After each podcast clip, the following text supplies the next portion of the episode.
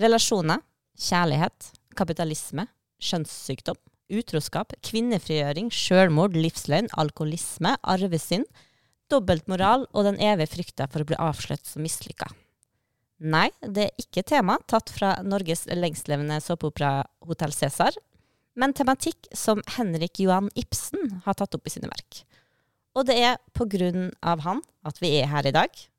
Og når jeg sier vi, så mener jeg skuespiller, badstueentusiast, medmenneske og mor Johanna Mørk. Velkommen, velkommen. Tusen takk. Og journalist, far, P3-kulthelt, som er oppvokst i Henriks Ibsens vei. Ja. Ingve Hustad Reite. Hei. Hei, hei, velkommen. Og jeg heter Stine Melbe og er formidlingsleder her på teatret vårt. Altså Grunnen til at vi òg sitter her, er jo at teatret vårt skal sette opp Villanden. Det som jeg har lyst til at vi skal liksom se på i dag, er jo også det med at hvorfor er Ibsen relevant i dag? Jeg kunne hatt en litt mer sånn spennende sånn Er Ibsen relevant i dag? At det skal vi finne ut. Men vi setter jo opp stykket, og Ibsen blir satt opp over hele verden. Nå er det jo snart skal jo Kendal fra Succession spille en folkefiende på Broadway, liksom. Det er i alle verdensdeler overalt. Så det er han. Men hvorfor? Dette er jo skrevet på 1800-tallet, og eh, vi legger det nå til 70-tallet. Eh, men det er jo også ting man kjenner igjen liksom, fra i dag. Det er fortsatt Altså, Ja. det er kanskje evig aktuelle tema. Men for la den henge litt, vi går liksom inn på det etter hvert. Men jeg har litt lyst til å vite hvilket forhold dere har til Ibsen. Og du er skuespiller, har du, har du spilt Ibsen før? Veldig lite. Så jeg har hatt, sånn, jeg har hatt en utrolig sånn hunger etter å spille Ibsen. Ja. Det er liksom noe som bare Åh, man har så lyst til det. Hvorfor det? Ja, eh, aller først fordi at det, det kan være litt vanskelig og tungt å liksom bare lese Ibsen for seg selv. Eh, I hvert fall bruker jeg, til og med jeg som på en måte leser mye dramatikk, syns det er ganske tungt å gå inn og bare sette meg ned. Nå skal jeg lese alle Ibsens stykker. Åh, det blir fort veldig mye. Ja, for når du fikk vite, liksom få beskjed, nå skal du spille i Ibsen, Mm, leste du da originalen Ja. før du fikk manus? Absolutt. Ja, det gjorde jeg. Hva, hva, hva syns du om det?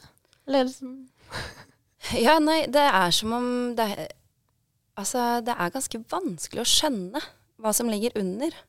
Ehm, Vi nikker veldig. ja.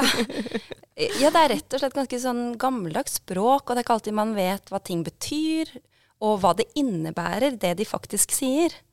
Så det var veldig spennende å ha lest det på forhånd, og så ha mitt eget inntrykk av det. Eh, og så få denne eh, måte moderniseringen uten å ta bort for mye. Og noen bitte små karakterer som er borte og sånt, og gjort, satt sammen til, til noen andre. Og da også lese det i hennes versjon, og mye mer lettfattelig, begynte å skjønne liksom mer av hva det handla om. Uh, og forholdene mellom mennesker og sånn, som er ganske vanskelig å få tak i i de gamle stykkene.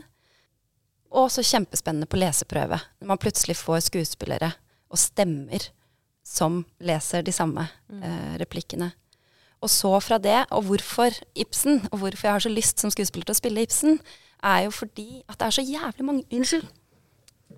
Det, det, Det er fordi- Trygt rom. Ja, ja da. Det er fordi at det er veldig mange lag. Nå ble jeg ivrig. Fryktelig mange lag. Jo, men Ibsen engasjerer, Ja. Ikke sant? Um, uh, jo, at det er veldig spennende med Ibsen fordi at uh, han er så Han er på en måte både menneskekjenner, og uh, han kjenner samfunnet. Han tør å liksom si ting om veldig mange lag. Og at man kan gå Altså til og med lille Bertha Sørby. Um, jeg kan gå inn og finne veldig mye mer med henne som menneske. Og det er som om man har klart å gjøre det. Altså, det er ikke så mange stykker som klarer det. Det er ofte på en måte Du, du ser hva du får på en måte når du leser manus, men her er det virkelig mye man kan gå inn i eh, og finne. Og du, Yngve, altså, du er jo født i Henrik Ibsens Ja. vei i svenskebyen her i Molde. Arven lå jo tungt på meg Ja. fra start, på en måte. Eh, nei, jeg vokste jo opp i den tro at eh, Henrik Ibsen Jeg var veldig sånn stolt av Jeg trodde han kom fra Molde. um, og var uh, sidestilt med Bjørnson omtrent. At det var sånn bysbarn, og vi hadde liksom alt mulig, all grunn til å, Ja. til å bry oss om Henrik Ibsen. Og jeg var veldig opptatt av å si hvor jeg kommer fra, Uh, altså hvilken gate jeg kommer fra. da. Um, men jeg skjønte jo liksom litt etter hvert at uh, bare hvem Henrik Ibsen var, og sånn ut fra disse karikaturtegningene og alt sånt. Han er jo en sånn han er jo en ikonisk skikkelse da, eh, i eh, liksom norsk eh, kulturarv.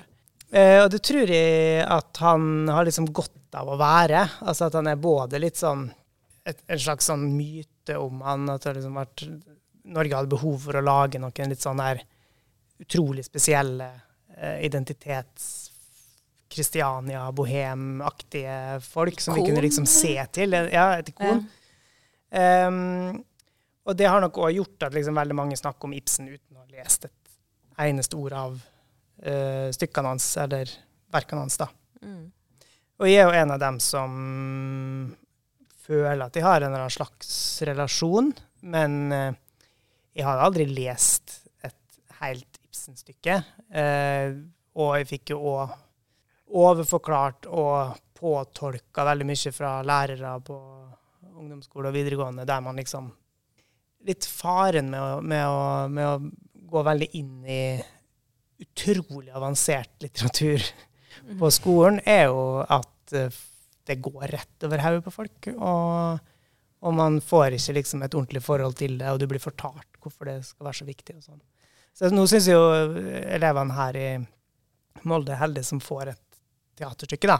For det, det, han skrev jo for teater, han skrev nok for at flere folk skulle se stykket hans enn sitte og lese manuset, Mm. antar jeg. Så um, eh, det er jo en fordel, tror jeg, hvis du skal få et slags en innføring i Henrik Ibsen, så er det nok lurt å se stykkene istedenfor å sitte og lese dem. Ibsen er jo en klassiker, og som vi er inne på, det er spilt rundt hele verden, så det er jo en grunn. Det er jo dødsviktig da, å vite at det er ikke bare en person som alle har blitt enige om. Eh, Vi må òg ha en viktig karakter i norsk kulturhistorie. Derfor Ibsen. Det er sånn som man kanskje kan mistenke enkelte andre diktere for å få en sånn posisjon som Jo, jo, du var den beste av dem, av dem som fantes på et visst tidspunkt, da man begynte liksom å danne en sånn felleshistorie eh, og gå videre derfra. Men Ibsen er jo en person som, som blir hylla i, på store scener i, Og det blir- i, og stort publikum, liksom. Sånn at da har man jo da, Det burde jo vekke en interesse hos folk. Hvorfor er det så mange som bryr seg? Sjøl om det er litt kjedelig, da. Ja. Eller tilgjengelig, kan vi kanskje kan Mm. kalle det. Det er tankevekkende å tenke på at flere steder i andre land så kan Ibsen komme til å bli sensurert. Fordi at han faktisk sier noe som var veldig på en måte moderne for hans tid. Mm. Eh, og som fremdeles i noen land eh, blir sensurert. Mm. Altså de, man skal ikke snakke høyt om visse ting. Så det er ikke til å kimse av Mm. at han på en måte var ganske framfor sin tid også. Mm. Men det må vi jo på en måte ta vare på i dag. Ja. Mm. At uh, vi kan ikke fortsette å spille som vi gjorde på 1800-tallet. Men man kan allikevel gå inn og bruke stykkene hans Mm. veldig fordi at han, han Jeg vet ikke, han kunne så mye om mennesker. Mm. Altså, han er jo blitt kalt en slags psykolog også. Fordi at han vet så mye om også menneskesinnet. Mm. Og på en måte sånn veldig dype ting som ikke det er så lett å snakke om. Ja. Og så, ja, så tok han jo for seg tema liksom, som kvinnefrigjøring, eh, som var veldig forut for sin tid. Mm. Ja. Um, og det er også, hvis du ser liksom, slår opp Henrik Ibsen i leksikon, så står det jo at han er en av verdenslitteraturens største og mest innflytelsesrike dramatikere. Han bodde jo store deler av livet sitt i utlandet, Mm. nesten meste, i Italia. Um, så han er jo ikke bare Han er jo faktisk hele verdens Ibsen. Um, Bittert å innrømme ja, det, men sånn er det. Ikke Sånn er. Det er ikke bare. Henrik Ibsens vei. Altså, det er ikke alle som er Henrik Ibsens vei. Men eh, altså, sånn, han, jeg tenker at Ibsen var jo da Norges største internasjonale superstjerne. Altså, jeg tenkte, er, er det noen etter han som har kommet som er det, eller har han fortsatt den tittelen? Jeg tenker med en gang Jon Fosse når du sier det. Men veit Vet folk hvem han er? folk i New York hvem Jon Fosse er? Ja. Det vil jeg påstå. lille sidegata ved siden av Broadway. Der, vet veldig mange hvem Jon Fosse er. Ja, nevn noen andre, da. Jeg Nei, kommer nei, nei, Nei, Morten. Harket er, er Norges største kjendis uh, gjennom tidene. Ja, så Det han er si. mer eh, kjent. Ja, for jeg tenker jo også sånn, sånn Knausgård. Ja, det var gøy at du ja. sa. Men bare fordi at uh, Succession har vært nevnt som en TV-serie å sammenligne på en måte Ibsen med. um, og han, jeg leste at han, der, han som spiller Kendal, han uh, nest eldste sønnen i denne familien, Mm. han, når han jobba fram den karakteren, så leste han mye Knausgård. Og ble veldig inspirert til Ja. karakteren sin. Så ja, Knausgård eh, Inn på det sporet du sa med Succession, for Ja. å følge det litt, så er det jo fordi at um, det var en, ja, Jon Vegard, en skuespiller her på huset, som skal være med på Sult. Han, vi snakka om at Villanden skulle bli satt opp først, og da sier han liksom Ja, han har akkurat hørt at noen mente liksom at Succession er nåtidens uh, Ibsen eller Villanden. Eh, og for den som ikke har sett Succession, så er det jo en serie som handler om et stort familie... Mediemogulen. mediemoguler. Mediemongulen eh, i USA, som eh, heter Logan Roy. Så det handler om han og hans eh, fire barn, som da på en måte er også jobber for han, ut og inn, litt forskjellig etter hvordan de er i, i vennskapet, eller relasjonen. Og jeg tenkte lenge at Succession er en serie som handler om da liksom et firma og business, da. Og så ser dere det, så er det jo Det handler jo om mennesker. Det handler om familierelasjoner. Og det handler om, i bunn og grunn, eh, en far og mor som ikke har vært til stede. Eh, I alle fall ikke til stede mentalt for Mm. barna sine. Og noen barn som bare kjemper for å på en måte få den derre Å bli sett Å bli av sett far. Mm. av far. Mm. Og det er jo Ibsen var jo opptatt av eh, penger, Makt. status og makt. Posisjonering. For det er direkte nesten til Villanden, da, hvis vi kan prøve mm. å sammenligne litt. Så er det jo på en måte da denne eh, Som kan sammenlignes med Logan Roy. Det er han Håkon Wæle. Mm. At det er liksom de rike, store som styrer eh, alt, omtrent. Og så er, har jo det, det vært hans gamle kompanjong Altså, han jobbet jo sammen med gamle Ekdal. Og så har det skjedd noe i den historien som gjør at eh, gamle Ekdal på en måte tok på seg skylda og havna i fengsel. Og ble utskuddet, mens på en måte denne store mannen levde videre. Um, og det er jo litt det samme med på en måte Logan Roy, liksom hvordan han på en måte bare kjører over folk og liksom bare gjør Og på en måte sier at det er, det er sånn han må holde på, ellers så hadde han ikke klart å være så stor. Mm. Så det er jo litt det samme på en måte tema, men hva skjer da med disse barna som vokser opp med foreldre som bare på en måte tenker business og driver den, Mm. og ikke er til stede for de? Eh, I hvert fall sånn følelsesmessig. um, og ja. Og hva skjer da med et menneske som ikke er blitt sett, som da begynner å bli voksen, og så igjen har barn? Så mm. det er jo kjempespennende, og jeg tenker at man kan kjenne seg igjen i det, selv om man ikke er vokst opp i en rik familie eller sånt, Mm. så er det veldig gjenkjennbart allikevel. Mm. Hva er penger verdt så lenge du ikke føler deg elska av din far, da, som dem gjør? Eh, Ja, og det, og det er jo det som er litt sånn fascinerende med både Ibsen og med alle H.C. Andersen sine eventyr og Succession og andre eh, The Crown og sånt, at vi, vi sitter og ser på disse seriene som handler om dem som er liksom i topposisjonene, men sliter. Sånn at, fordi noen, noen elsker å se på reality og se på dem som kanskje ikke forstår alle sammenhenger, eller liksom bruker opp liksom en sånn slags verdighet på bare for å komme seg i en posisjon. Mens det i, i drama så er det jo mye mer interessant å følge med på dem som har suksess, har, er på toppen, eh, og deres liksom eh, kamper som kan ligne på våre, da. mm. Eh, så tror jeg at det er interessant da, når man skriver og tenker ut fra at man klarer å Altså det er en grunn til at liksom prinsesse, prins altså det, det ligger liksom i, oppi toppsjiktet. at det er en Jeg tror det er en eh, Det er både en egen drive for å skrive det, men òg noe vi kan liksom sitte og følge litt med på som menigmann, da. Ja, så er det har alltid vært deilig. interessant Ja. å stå i crowden og liksom strekke Stå på tå og prøve å få et glimt av eh, kongen som går fremme, langt framme der. Ja, men det er Det er en veldig det deilig tanke å ikke, ikke liksom tenke sånn Å, det er deilig å se at penger ikke nødvendigvis er lykke. Mm, mm. Det er jo noe veldig godt, eller en slags trøst. Ja. Samtidig som vi drømmer oss litt bort i Ja. liksom, åh, hadde vært deilig å ha hatt en sånn der eh, helikopter-escape til uh, Hjertøya når som helst. Jeg ville, liksom. Men Hjertøya vil du ikke lenger! Jo, men altså, det er bare for å ta lunsjen, da, ikke Ja, ikke sant? Ja. For vi satt og snakka om den grusomme farspersonen og, og knivinga og sånne ting, så det handler jo ikke Ibsen fant jo ikke opp det. Det var liksom Det var jo selvfølgelig Shakespeare, hvis man skal spole noen hundre år bak, og sikkert jeg vet ikke, Gilgamesh og alt det Ja, men der og vel gamle noe veldig mange kan kjenne seg igjen Ja. i sitt privatliv òg. Ja, og bibelfortellinger og alt mulig sånn. Hvis man går bakover og bakover, så har man jo disse her um, Ja, det gjenkjennelige i um, far, sønn, far, datter, mor, sønn, eller ekteskap. Familierelasjoner. Brødre, Mm. søsken.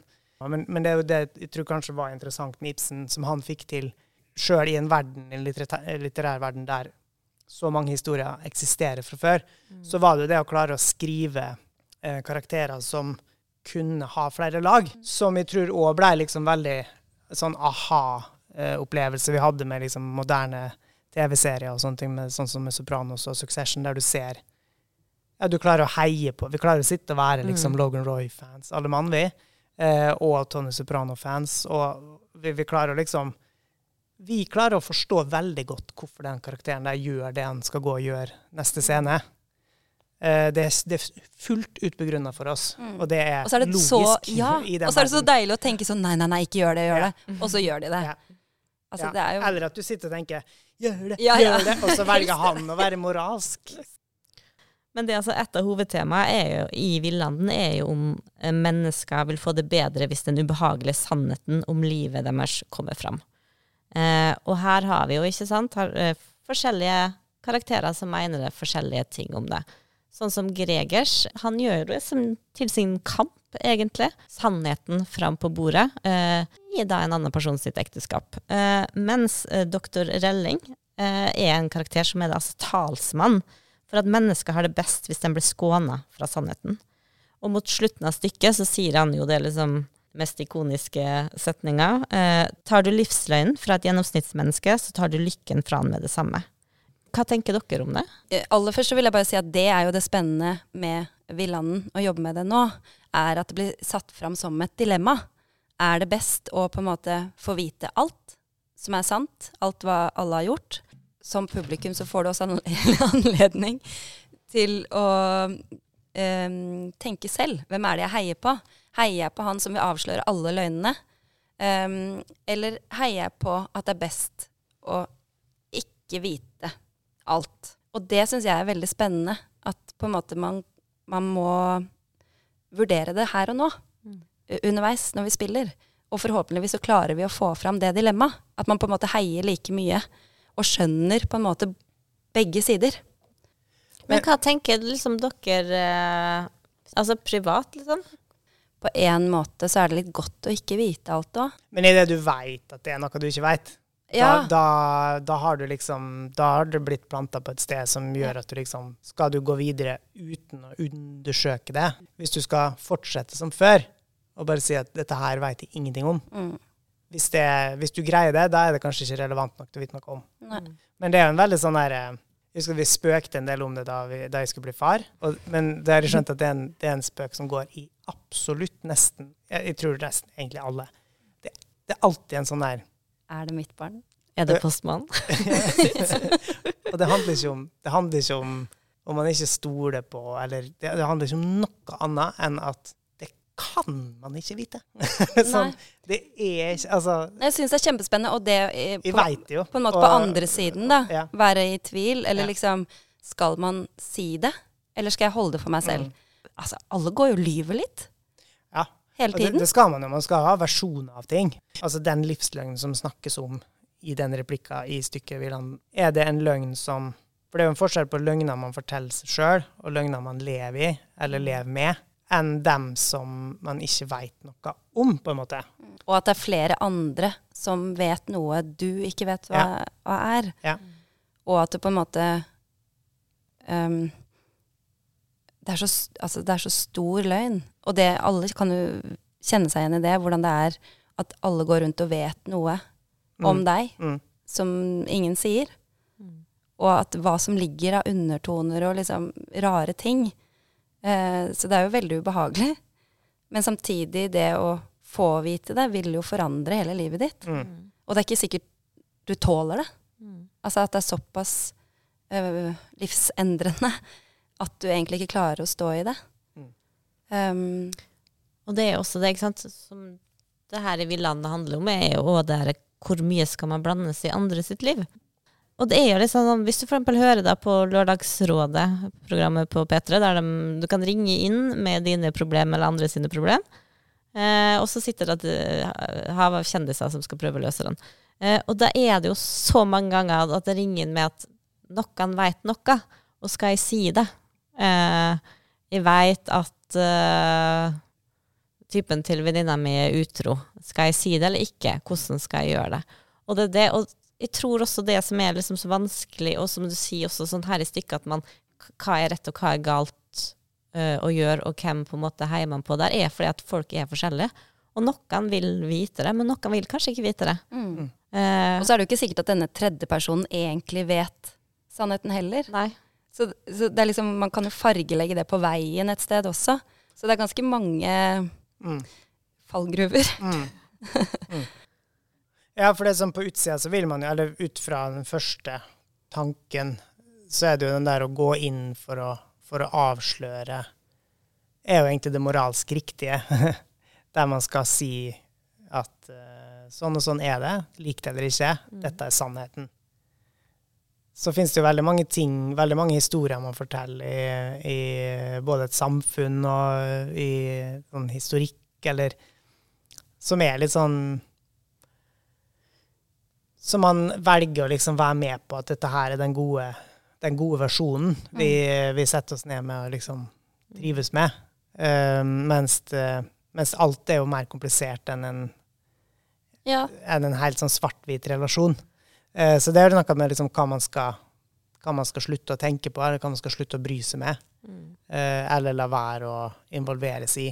Fordi at kanskje Kanskje ser du han der, hva heter han, doktor Relling, at uh, livene leves bedre ved å ha små, enkle sannheter å forholde seg til. ja, eller at han også ser at det er en slags redning. Ikke sant? At man Mm. får andre oppgaver, man får noe å leve for. Mm. Så det bør ikke nødvendigvis være noe dårlig i det heller. Ja, Han mener vel at også at livsløgn er en slags medisin Ja, eh, for mennesker. ja. Og at hvis du tror på noe, så kjenner du også liksom hvor mye livet kan løfte seg. Mm. Det, det tenker jeg på min egen livslønn. Jeg, tenk, jeg vil jo at teater skal forandre verden. Det er jo helt på en måte absurd. Men det er jo mitt lille bidrag, da. Finne liksom noe jeg brenner for å gjøre, og som jeg mener kan være godt for verden. Mm. At ikke bare jeg skal være egoistisk og drive med mine ting, men at det faktisk har um, Og det er jo noe jeg trenger å tro på. Mm. Så igjen og igjen. uh, fordi da gir det mening. En lege redder liv, men også det, du kan jo ha en kulturell opplevelse som er såpass bra at du på en måte kan slags Hvis du er altså finner en uh, mening med livet i det, eller at du ved å se et teaterstykke, da, skjønner noe, egentlig, som du ikke har Ja, skjønt før. og kanskje at man ikke føler seg aleine. Mm. At på en måte det løfter jo opp temaer som er sånn Å ja, det er flere som har det sånn. Mm. Jeg er ikke ko-ko fordi at jeg går og lengter etter kjærlighet fra far. Mm. Dette er et kjempestort tema Mm. som berører veldig mange mennesker. Mm. Og det er veldig godt å ikke føle seg helt alene med sånne store ting. Så tror jeg den der kulturdelen, altså enten man vil eller ikke, så er jo en kultur en del av livet til de aller fleste uansett, da, men det, det kommer i forskjellige pilleformer. Enten så er det liksom et sånt stort, tungt, men eh, lettere tilgjengelig Ibsen-stykke. Mm. Som, som sikkert har sine tyngre brødre og, brødre og søstre på en eller annen Broadway-forestilling, eller hvis du skal bort til det aller tyngste eh, hørespillversjonen på NRK sitt radioteater, som jeg var så vidt innom på veien hit. Um, men så har du òg liksom den lettere versjonen, da, sånn som i eh, Succession, eller eh, ganske enkelt en poplåt, eller noe sånt, som, er, som har samme tematikken. Og det er jo En poplåt kan jo forandre livet til folk. Kan forandre tilværelsen fra en liksom trist eller grå regnværsdag, og så skrur du på radioen, eller Ja. Mm. setter på uh, Jeg husker min første store opplevelse jeg satt og hørte på liksom samtidsmusikk. Som først har jeg bare tenkt det er pling-plong og, og Mhm. bare masse lyder og ko-ko. Men så satt jeg på en konsert og virkelig bare åpnet opp. Og bare jeg skal ikke dømme noen ting, jeg skal bare høre hva det er. Og jeg fikk så mye assosiasjoner, og gråt og lo. Og liksom At jeg hadde som en opplevelse som jeg ikke ville fått ut av noe sånn helt konkret som en TV-serie eller Mm. Eh, en poplåt, liksom Mm. men som for meg åpna en annen verden. Mm. Og det samme har jeg sånn ønske om med teater. At man ikke skal føle seg dum fordi man ikke skjønner det, men at man heller kan åpne opp og se at det gir oss muligheter for å oppleve livet på en annen måte også. At det, er liksom, det skjer ting i scenerommet. Det åpner opp bilder. Eh, nesten som malerier. Altså, og at det har noe mer å gi. Mm. Og det at det er her og nå, at det er levende mennesker. Og sånn som i dette stykket, så det er veldig eksklusivt at man som publikum får sitte så nært på skuespillerne. Mm. Han eh, Jon som jobber på Det Norske Teatret, som er her nå og spiller Greger Sverle, har jo også sagt det at det er jo ekstremt hvor heldig Molde er, som får liksom dette maskineriet med de folka. Det er topp folk, liksom.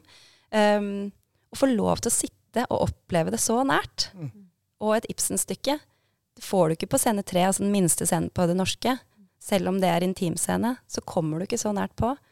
Så Og det ikke er- på Per Gynt-spelet på Gåla. Liksom. Nei. For, så, Det er sånn noe som med det, da. At det, det, Ibsen er jo veldig mange forskjellige ting. Også noe stort. Ja. eh, Og for å forklare litt mer det du sier nå, er jo fordi at det spilles jo i, i den største salen vi har her på teatret. Men eh, den vanlige mm, heter det, stolene, eh, Amfi. amfiet, er skjøvet tilbake. Eh, og det er altså um, under halvparten så mange billetter som det egentlig altså, er plass til. Det er satt opp nye stoler, og du sitter liksom helt nede på scenen. Mm. Um, så alle Og uten å bli involvert, altså. Det er viktig å si. Ja. At du får lov til å Kanskje du kommer opp og- Nei, nei, nei. nei. Det er litt viktig å si, har jeg skjønt. Jeg tror liksom den, det du sa i stad, om å være eh, på teater og kunne sitte et sted der noen andre gjør noe for deg, er en sånn situasjon som du egentlig ikke kommer i, bortsett fra på teatret. Ja, egentlig bortsett fra på teatret. Fordi at du, du, Ja, det du nærmeste på du kommer, er konsert, konsert. Ja. Så har du liksom ofte anledning til å gå litt, eller tenke litt, eller til og med hviske litt til sidemannen, og sånne ting, men det går på en måte ikke um, inne i en teatersal.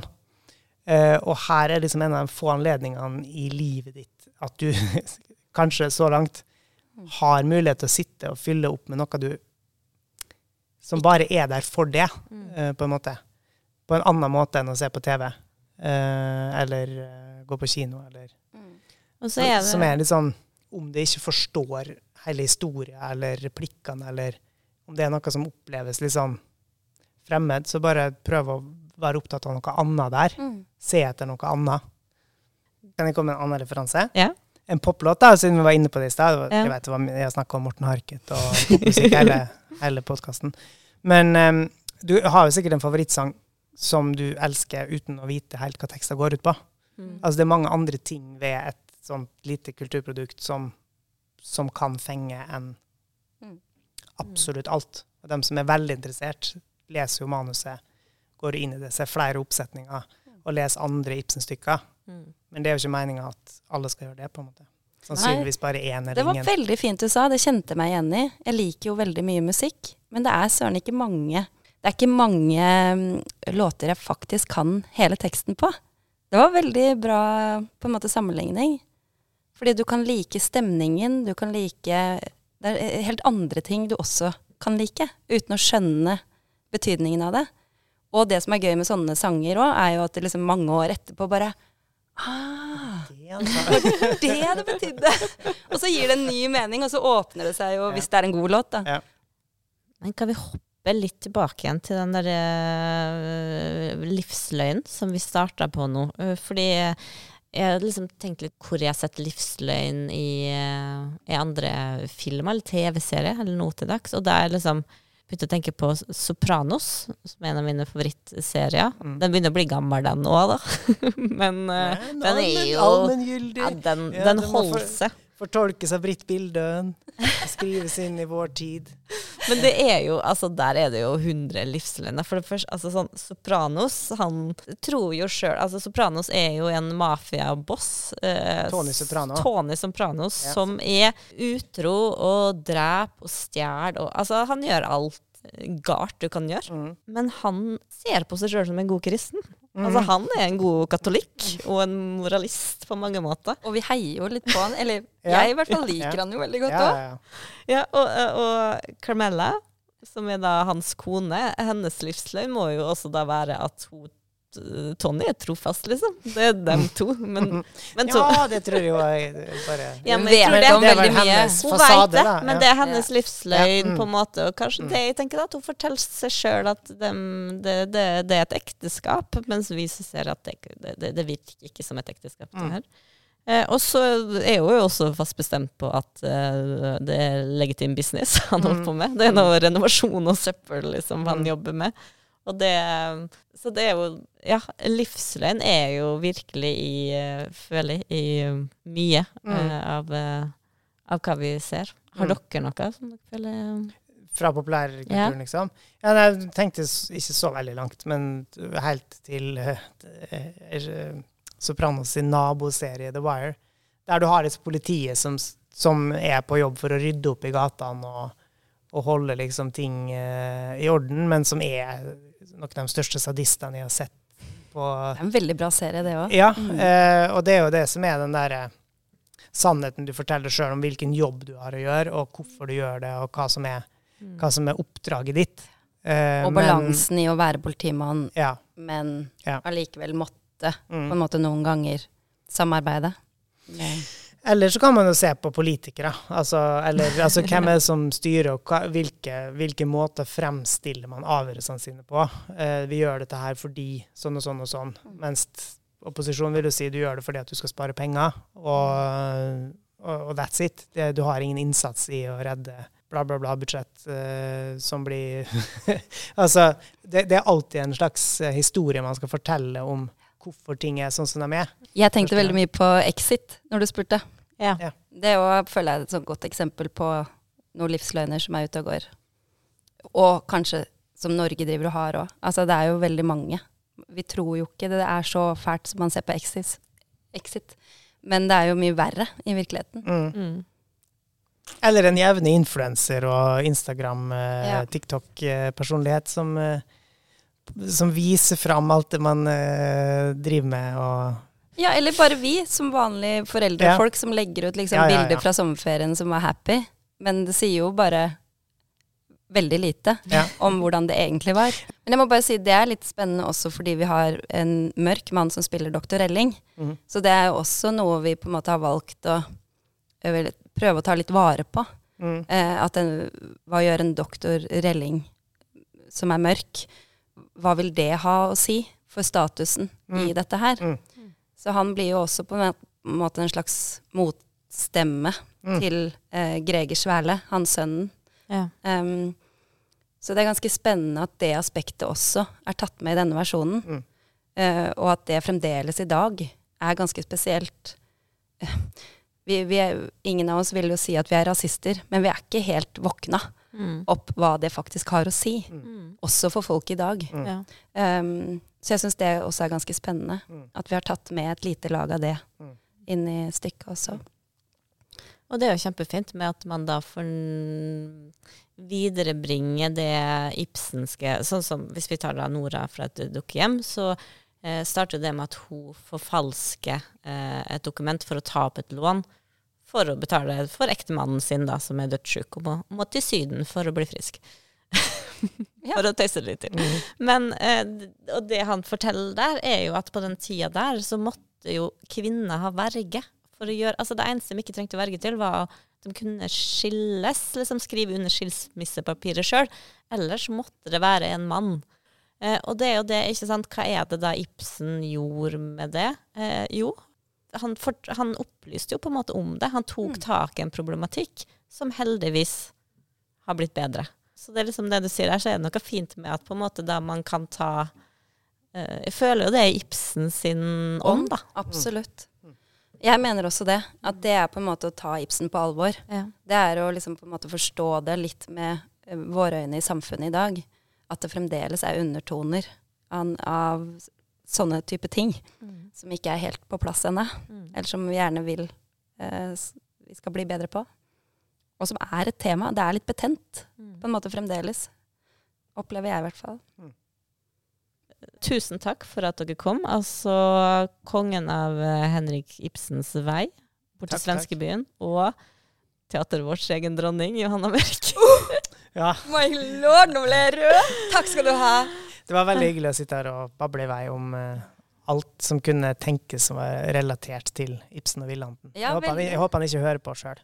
Nei, det, kanskje han ikke trenger. Men jeg Nei. håper jo at på en måte, det gjør noe med teatret. At vi får litt mer tilgang. Altså at, at det åpner opp teatret litt. Det håper jeg veldig.